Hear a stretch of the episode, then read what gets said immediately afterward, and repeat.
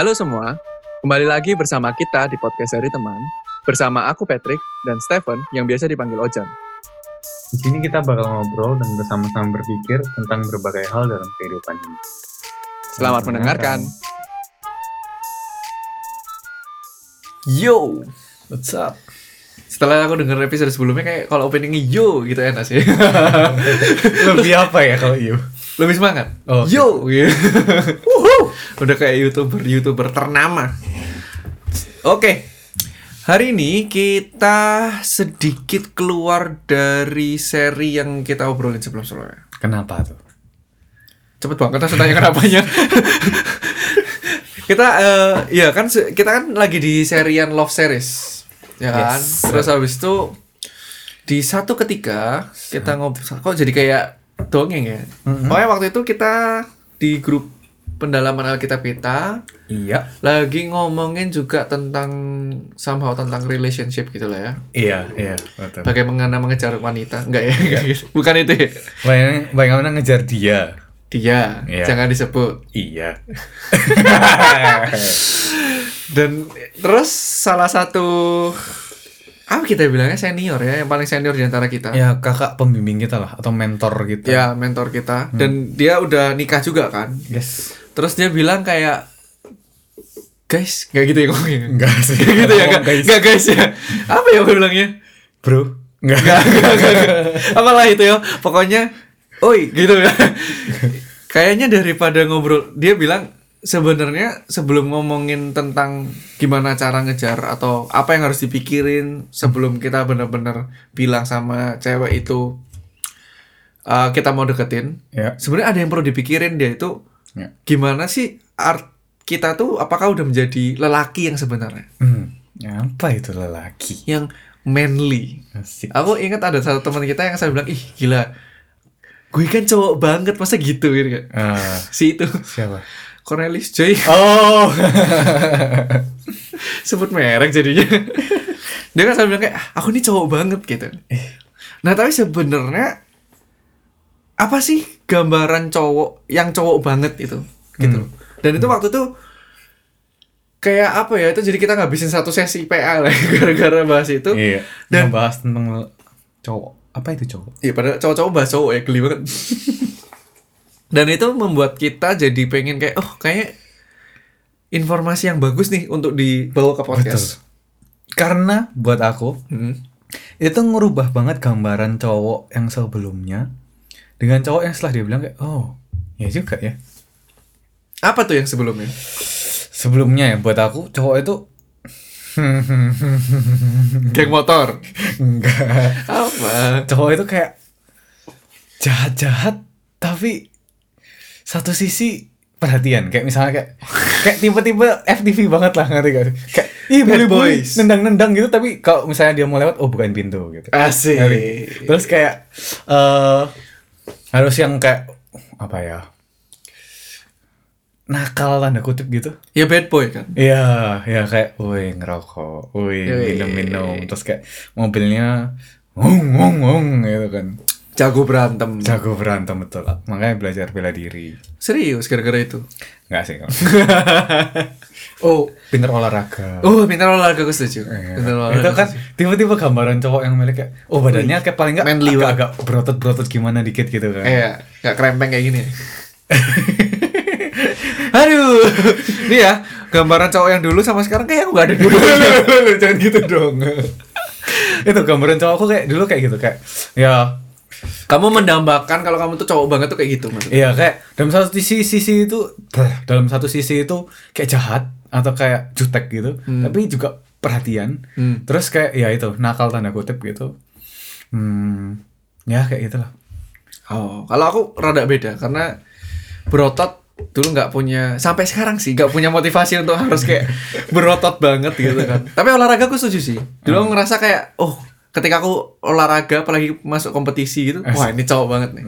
Keren banget ya kan. Iya. Soalnya musik aku nggak bisa. Oh. Pilihanku itu antara kalau nggak yang olahraga banget itu berarti yang ngeband ngeband gitu atau yang main Oh. yang bisa jamming jamming gitu loh.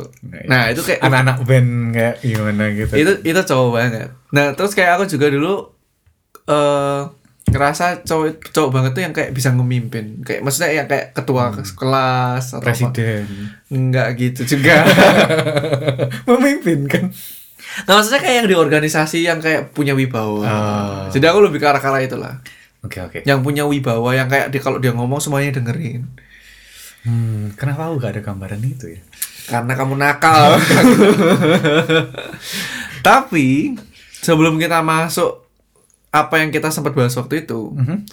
Aku pengen kasih apa ya eh penjelasan sedikit lah ya, disclaimer sedikit gitu. Yes. Ini mungkin bukan sesuatu yang fix gitu ya, Hmm. kalau harus seperti ini. Ya. Tapi yang merasa ini sesuatu yang baik buat kita yang cowok itu pikirin. Ya. Apakah kita udah punya karakter ini atau udah punya Hal-hal ini ya kayak apa ya sifat ini itu ya ya. karakter ya karakter ini karena itu yang kayak lebih penting sebagai cowok ketika nanti punya pasangan? Yes. Tapi gak buat cowok doang juga sih. ya Buat cewek itu juga untuk ngelihat ya mungkin pasangan yang sekarang atau ya cowok yang akan datang. Atau yang lagi deketin? Atau yang lagi deketin betul. Ya apakah em, hal-hal ini atau karakter-karakter ini itu tuh mendeskripsikan dia atau enggak atau dia ada ke arah sana atau juga ke dia ada ke arah sana atau enggak juga dan itu aku setuju ke arah sana. Jadi nggak nggak harus kayak dia 100% di semua yang ini. Tentu itu terlalu sempurna dan terlalu tidak mungkin. Ya ya, ya. kayaknya. Tapi at least apa ya yang waktu itu kita bilang itu hmm, kit- kelihatan dia udah punya ada ada base-nya. Kalau Hmm. nggak 50 sampai 70% tuh udah ada lah gitu. Ya, ke arah ya, yang sini gitu. Dan em, kenapa sih penting? Karena aku ngerasa harusnya ya di di usia-usia kuliah pacaran kan bukan lagi kayak yang cinta monyet lagi gitu kan betul udah Yang- kayak kalau putus GG bro ini kalau pacaran 4 tahun putus udah umur ya berapa tujuh tahun iya Iya.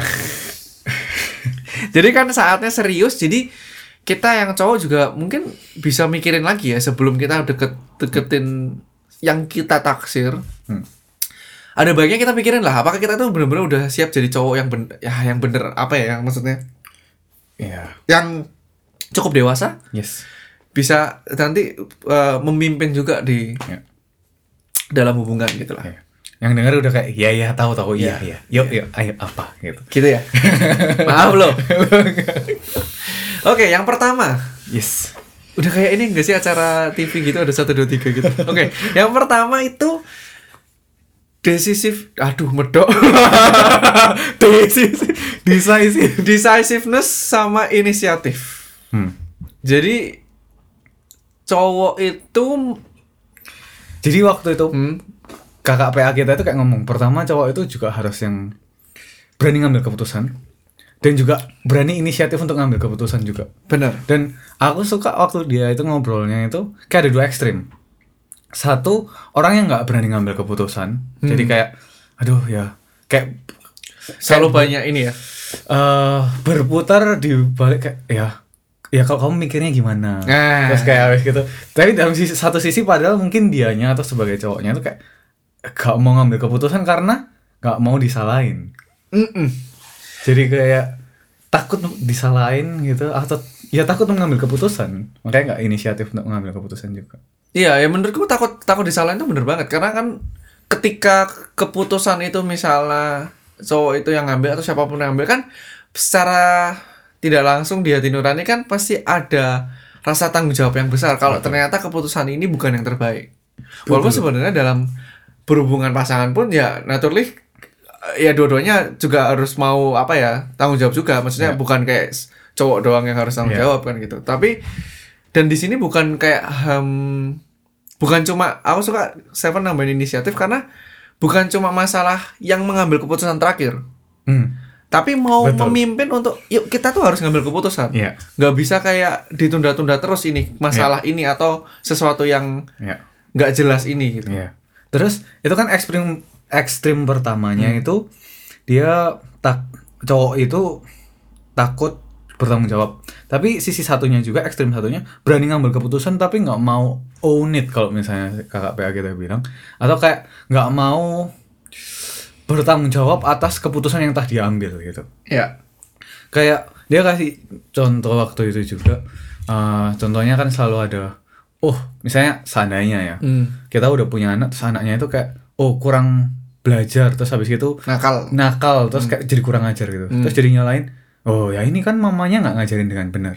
Nah dia kayak ngomong ya seharusnya nggak kayak gitu karena sebagai cowok kita yang sebagai pemimpin keluarga juga makanya kalau kita ada ngambil satu keputusan dia sekolah di mana atau dia les apa ya kita juga harus berani ngambil keputusan juga oh kalau misalnya itu itu salah nggak jadi kayak gitu ya itu salahku juga bukan salah yang lainnya. Gitu Berani berani ini enggak sih maksudnya berani jadi tameng gitu. Juga adalah bukan tameng lah, maksudnya berani juga yang yang terdepan ketika kesalahan itu salah.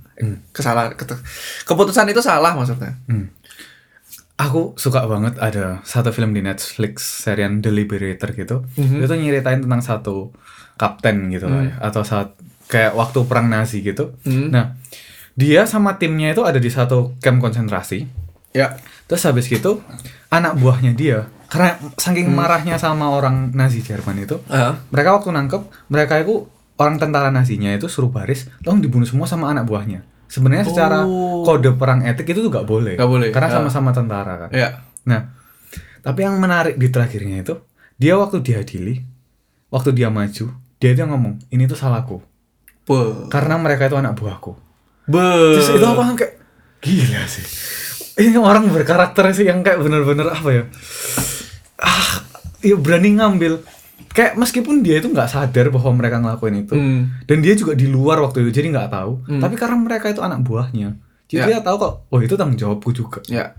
Ya. Ini bukan implikasinya berarti cewek itu anak buah atau apa bukan gitu ya, tapi lebih ke arah cowok itu ya itu balik lagi harus punya inisiatif untuk memimpin ini harus ngambil keputusan tertentu dan cowok juga harus berani untuk maju ketika ke- keputusan itu walaupun tuh keputusannya pasti harus diambil bersama kan Ya. gitu tapi harus tetap berani maju gitu untuk ya itulah be a man ya ini bukan masalah berantemnya Iya, beraninya tuh di sini Betul, betul. gitu Mungkin, mungkin kalau dari poin pertama ini juga refleksif ke diri kita waktu dengar ini kayak gimana trik waktu kamu? Aku jus- ini salah satu yang lumayan paling susah buat aku. Hmm. Karena ya mungkin aku lebih ke ekstrim yang pertama ya. Hmm. Orangnya sangat kayak ya aku bilang aku sangat aku berusaha considerate kan selalu. Jadi kayak eh kamu gimana, kamu gimana. Tapi mungkin sebenarnya setelah abis denger ini mungkin ya itu ada poin mungkin aku coward. Hmm. Karena aku rasa kalau kalau akhirnya aku yang ngambil keputusan ini nanti aku yang harus tanggung jawab kalau keputusan ini salah. Hmm. Jadi aku lebih suka yuk diobrolin bareng-bareng. A- apa ya di di bawah selimut itu loh. Iya. Yuk keputusan ini diambil bersama-sama. Supaya nanti kalau salah berarti ya tanggung jawab gua. gitu. Kayak kalau aku lumayan di situ dan ketika si KKPA kita ini kita langsung Kak Adis lah ya bilang. Iya. Kak Adis ini bilang gitu, aku ngerasa oh iya ya gitu. nggak bisa gitu. Hmm. Be a man harus dia ngulang berapa kali nggak sih bilang be a man-nya kayak gitu. Bukan masalah berani berantem pukulin orang atau apa, tapi ya ini keberanian yang harus dipunyai gitu. Iya. Dan gak gampang sih emang. Gak gampang banget. Iya. Kalau dari sisiku, aku yang ekstrim satunya, buat aku ngambil keputusan itu gak susah. Atau untuk inisiatif sesuatu itu juga gak susah. Karena dari dulu emang keras kepala dan suka mengambil keputusan. Orang lain lain udah ngambil keputusan, aku geser keputusannya supaya sesuai keputusanku. Sampai sekarang sih. Oh gitu ya saya Sampai sekarang. Influencer banget sampai sekarang. agak pemaksa ya. Cuma yang aku nggak mau tapi kalau misalnya aku udah ngambil keputusan gitu ya, terus habis gitu, oh nggak sesuai berjalan gitu. Hmm. Nah aku bakal kayak, loh siapa suruh? Aku tadi udah tanya ada yang mau apa atau apa, nggak ada yang bilang. Oh. Ya aku udah ambil. Jadi nyalain orang lain Iya. maksudnya. Sa salahnya suruh aku yang ngambil keputusan. Oh, Gitu. kurang ajar ya? gitu aku nggak mau mengambil eh, tanggung jawab akan keputusanku yang udah aku ambil itu juga nggak mau own it itu tadi dibilang Jadi cenderung nggak mau gitu. Jadi ngambil keputusannya bisa tapi ketika gagal sulit untuk maju. iya kayak loh ya kan suruh aku ngambil kok kamu mau ya Iya. ambil Kalau kamu bisa lebih berdebat ya udah kan. Kan kamu kalah jadi ya udah. ya tahu itu sih Nah, Aku nggak tahu ini bisa aku lebih kita mungkin ke poin yang keempat dulu gitu. boleh boleh Karena aku ngerasa eh itu ini yang kayak balancing. ya ya betul betul Di mana oke kita harus berani betul be a man. Ekstrimnya kalau nggak otoriter yang terlalu Ya. ya Tapi kita harus tetap selfless. Hmm. Dan kita harus tetap ah, selfless dalam artian ketika kita punya pasangan gitu, oke kita mm, harus ngelit kan untuk ngambil keputusan ini.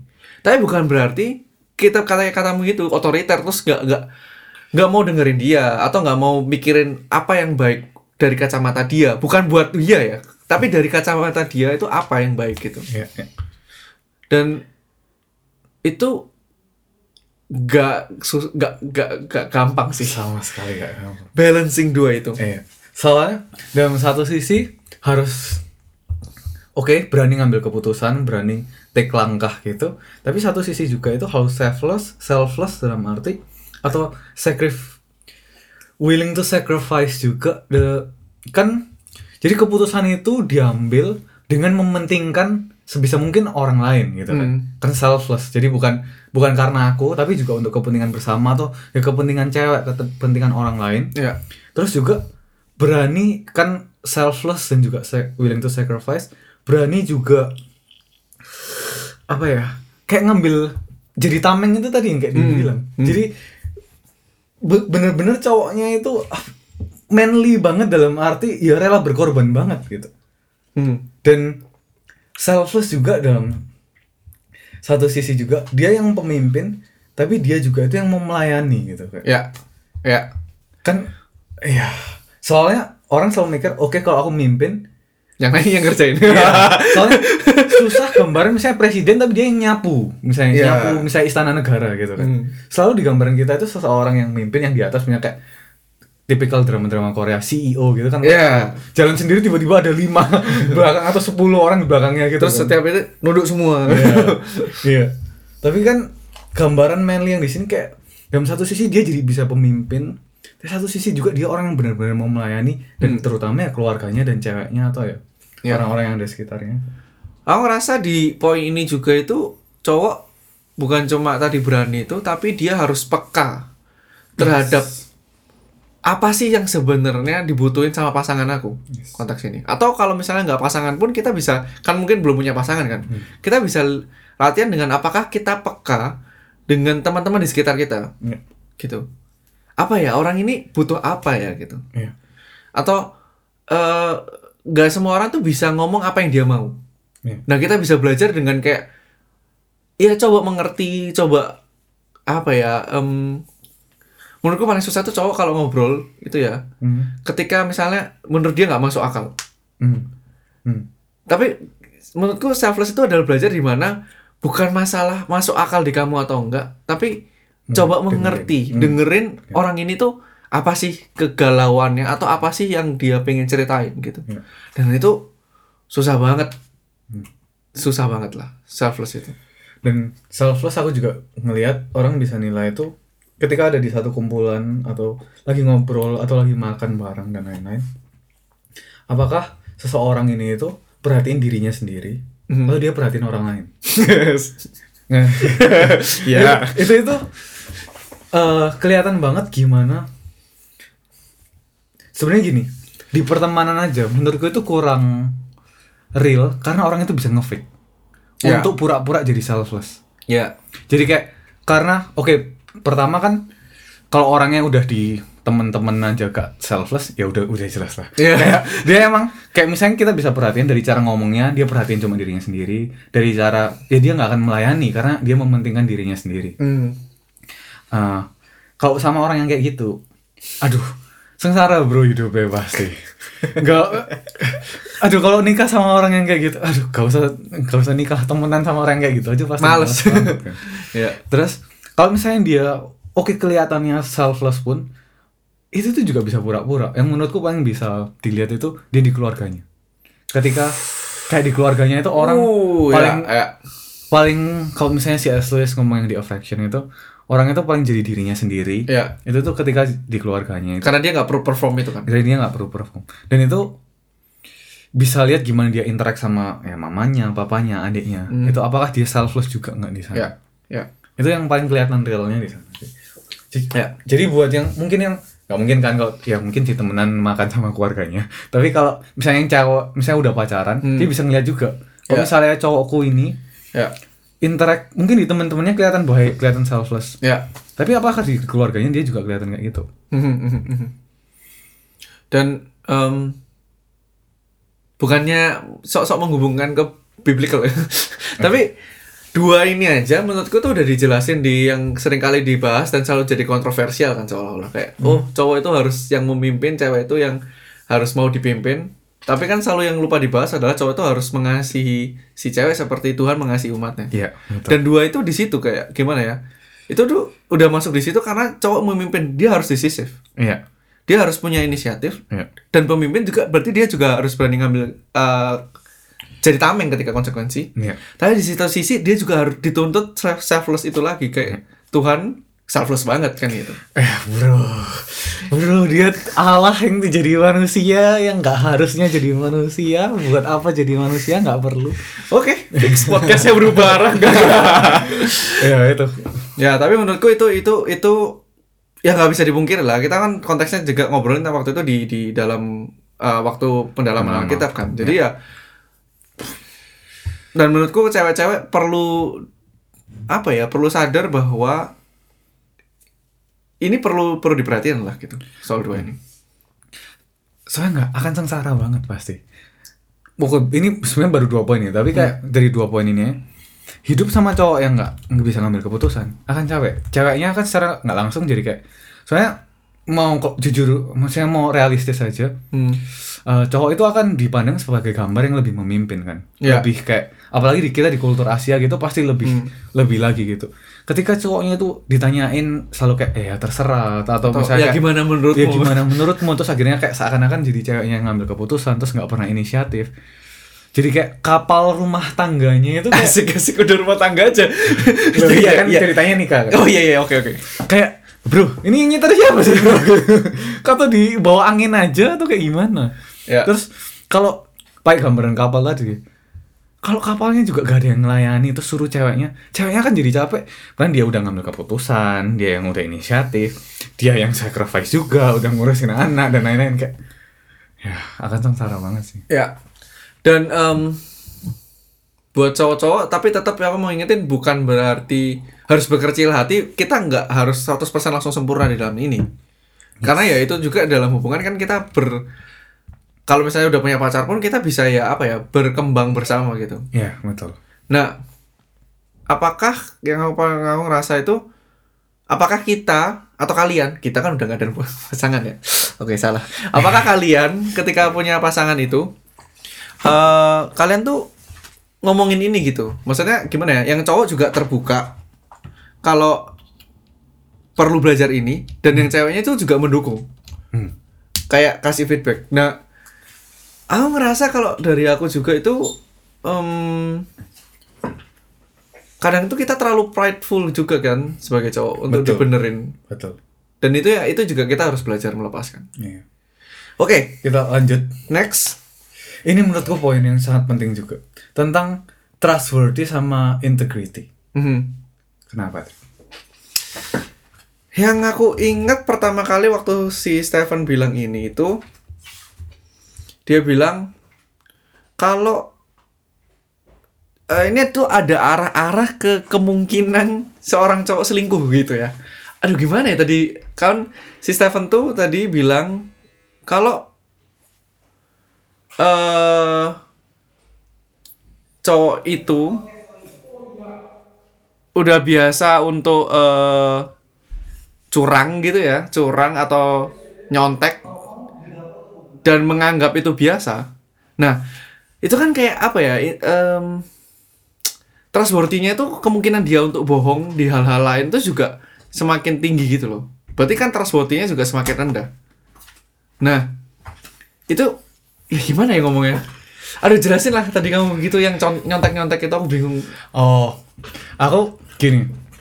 Karakter ini tuh penting banget menurutku kalau dalam hal kecil aja Oh, suka iya. nyari Masuk ke situ. eh, suka nyari gampangnya. kayak misalnya nyontek itu kan kebiasaan yang selalu kayak ya udah cara tergampang mau legal nggak legal ya udahlah Hmm. gitu diambil aja gitu kan Ya. nah terus di sana itu jadi juga gimana kita bisa yakin juga dalam hubungan ini si cowok ini juga bisa berintegritas kayak nggak menyalahi kayak misalnya dia tetap setia sama kita Ya. contohnya kalau dia dalam hal kecil seperti nyontek aja tetap ngelakuin terus dan nggak mematuhi per- peraturan secara berintegritas Hmm. terus habis gitu dia bakal akal kita bagaimana di dari sana untuk pindah dia itu selingkuh itu kayak ngerti nggak susah Chance-nya makin tinggi gitu ya. Iya, chance-nya makin bukan pasti setiap orang yang Iya. nyontek pasti selingkuh ya. Iya. Cuma kayak untuk dia jadi akhirnya nggak memegang omongannya itu susah banget untuk dipercaya karena dari kayak integritasnya nggak bisa dipegang. Ya. Dan itu kalau kita sebagai cowok ya bayangin cewek yang kayak gitu atau kalian lah temenan sesama cowok terus punya teman kalian yang kayak gitu pasti males banget kan mau apa pun jadi kita tuh selalu kayak eh, questioning lagi gitu Betul. Betul. kayak selalu ada pertanyaan ini bener gak sih yang dia bilang gitu Iya, betul. saya selalu penuh apa ya keraguan dan penuh keraguan tuh bukan sesuatu yang nggak melelahkan Betul. Kenapa harus dibilang nggak melelahkan ya? Sesuatu yang melelahkan maksudku melelah. Iya. Kalau kita terus terus kayak ngobrol terus kayak questioning terus kan, ini orang bener gak sih? Ini Iya. orang itu pasti capek banget gitu. Dan pa- paling gampang juga yang aku bisa ngelihat eh, di ya dinilai itu ketika janjian. Hmm. Oh, yuk kita ketemuan nanti jam 7 ya sama teman-teman. Ya. kayak kalau dia ketika jam 7 aja kayak dinantiin gak datang gimana kita bisa yakin kayak waktu nanti misalnya cewek yang melahirkan terus kayak pak nanti ke rumah sakit jam 8 terus kayak Iya. kayak iya, 8 baru mulai siap-siap. 8. jam 8 terus gak datang kayak bro tolong ini ketika kayak omongannya itu jadi nggak bisa dipegang karena dia bukan orang yang kita bisa ya bersandar kepada gitu Ya. Dan em aku ngerasa hmm, ini yang juga perlu hati-hati ketika pacaran. Hmm. Karena bisa jadi, oke, dia sok-sok trustworthy atau integrity, ngerti nggak? Jadi kayak misalnya, gimana ya ngomongnya kayak misalnya kalau sama pacarnya dia sangat sangat selalu on time, tapi kalau janji sama temennya kayak ah ya udahlah, Betul. ya udahlah. betul Yang harus diingat itu kan pacaran untuk nikah ya. betul Terus ketika nikah kan nanti balik ke normal yang ke seadanya dia gitu kan. iya Nah kalau ternyata dia yang lebih ke, ke temannya aja kayak gitu atau kayak misalnya ke banyak orang yang kayak gitu, bisa jadi kan aturnya dia itu sebenarnya yang itu kan. iya betul Dan itu kan jadi sebenarnya nilai integritinya jadi turun menurut aku iya gitu.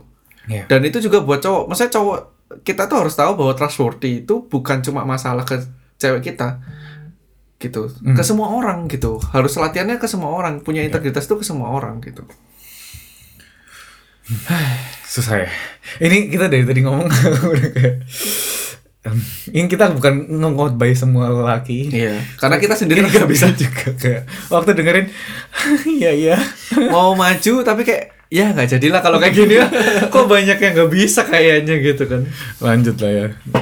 Nah yang terakhir ini bukan yang terakhir sih. Ya terakhir lah. Yang terakhir itu sesuatu yang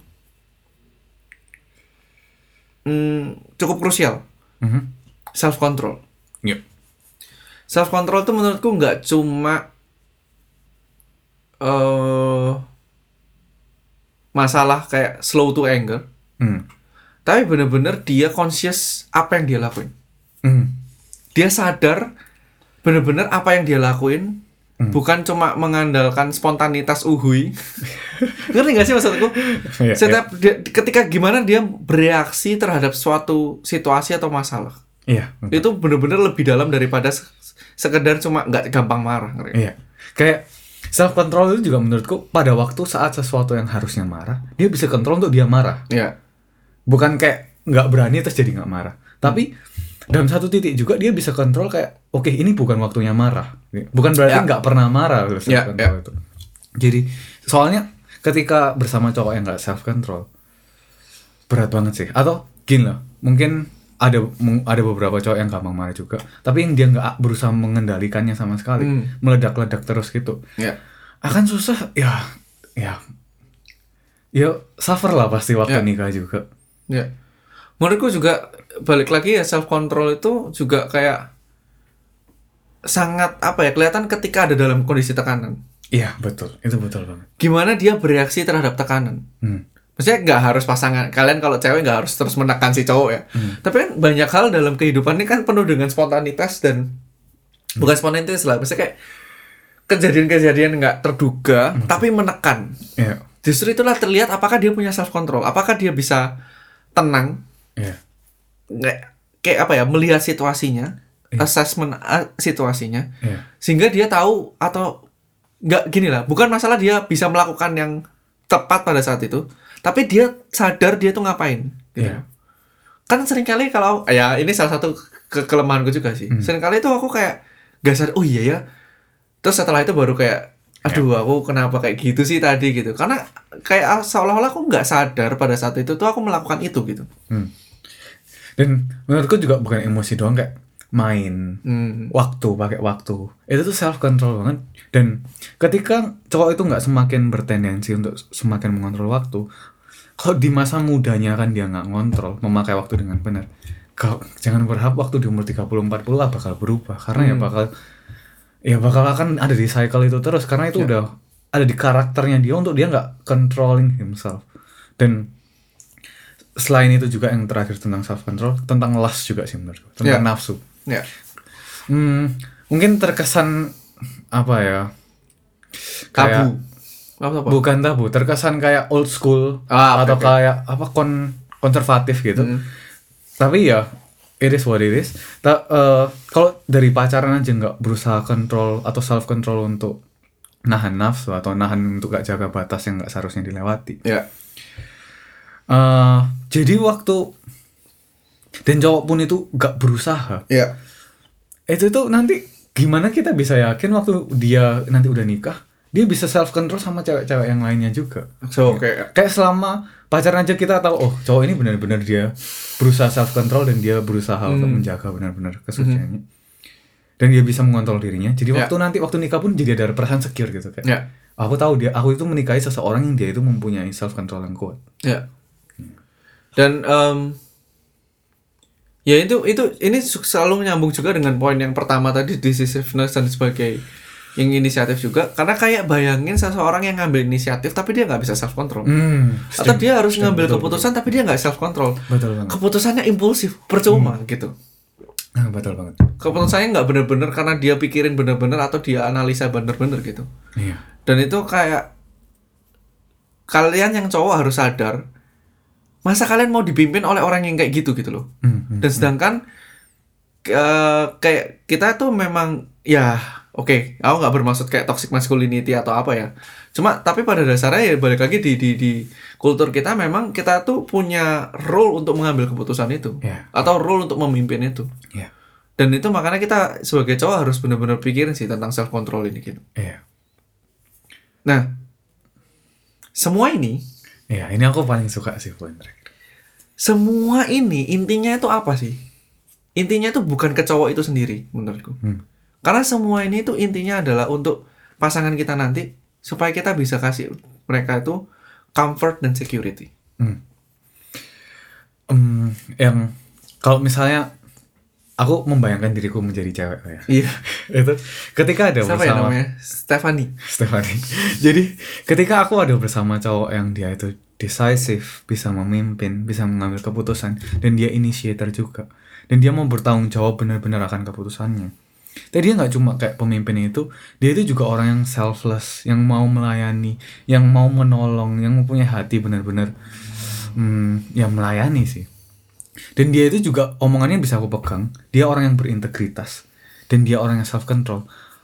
Bareng dia itu itu benar-benar kayak ada perasaan yang tenang, ada perasaan yang kayak aduh gak perlu khawatir lah.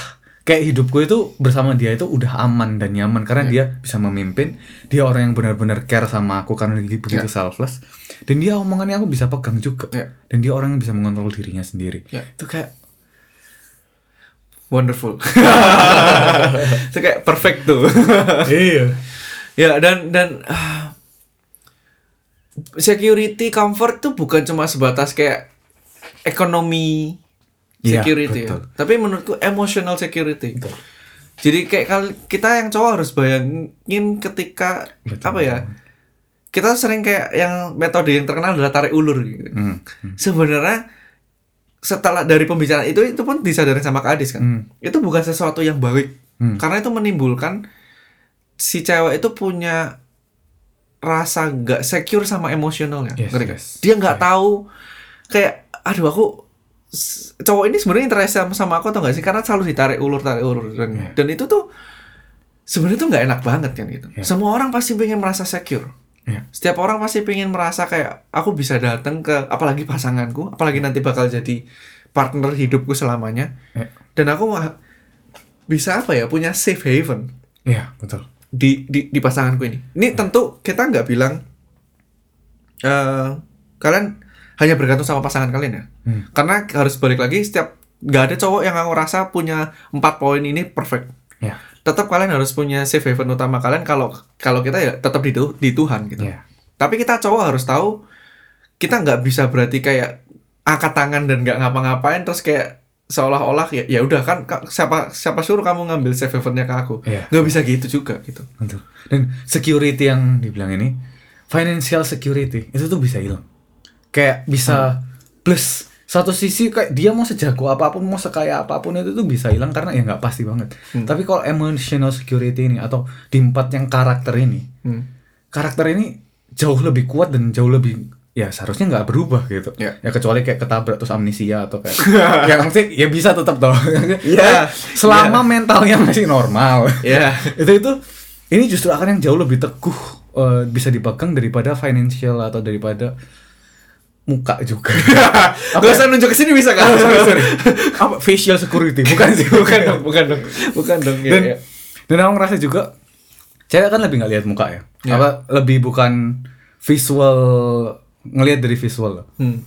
Eh, kalau di sini tuh dari cowok loh kalau punya empat karakter ini Hmm. dia mau mau gendut mau kurus mau tinggi mau pendek mau itu akan menjadi menarik banget karena orang itu bisa secure dan bisa punya comfort Ya. di orang ini Dan balik lagi seolah gimana ya? Bukan gimana ya ngomongnya?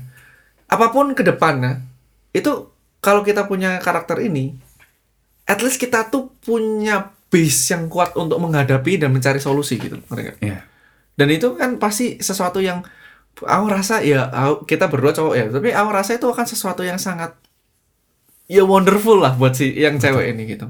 betul daripada menurutku ya Hmm. daripada kayak ini bukan sesuatu yang jelek daripada kayak oh aku bisa menyediain rumah aku bisa sediain mobil aku bisa Ya. punya pekerjaan yang tetap dan Ya. lain-lain itu semua is a great thing it's a wonderful thing cuma kalau semuanya itu ada tapi nggak ada karakter ini tetap akan suffer benar-benar Ya. karena hi- akan hidup dengan aduh buat aku ya mending hidup di rumah biasa-biasa dan kayak naik apa ya motor atau naik gojek gitu Hmm. tapi aku itu bersama orang ini bisa spend time punya comfort bisa spend time punya security aku bisa uh, bertahan ke dia daripada punya segalanya punya rumah 2000 hektar alay sih 2000 hektar 2000 hektar sudah ya, ya? punya helikopter punya pesawat tapi kayak diselingkuhin terus habis gitu kayak aku gak tahu dia bakal pulang atau enggak Rasa kan takut ada rasa takut terus. ya? banget gitu loh Ya, Iya. ya.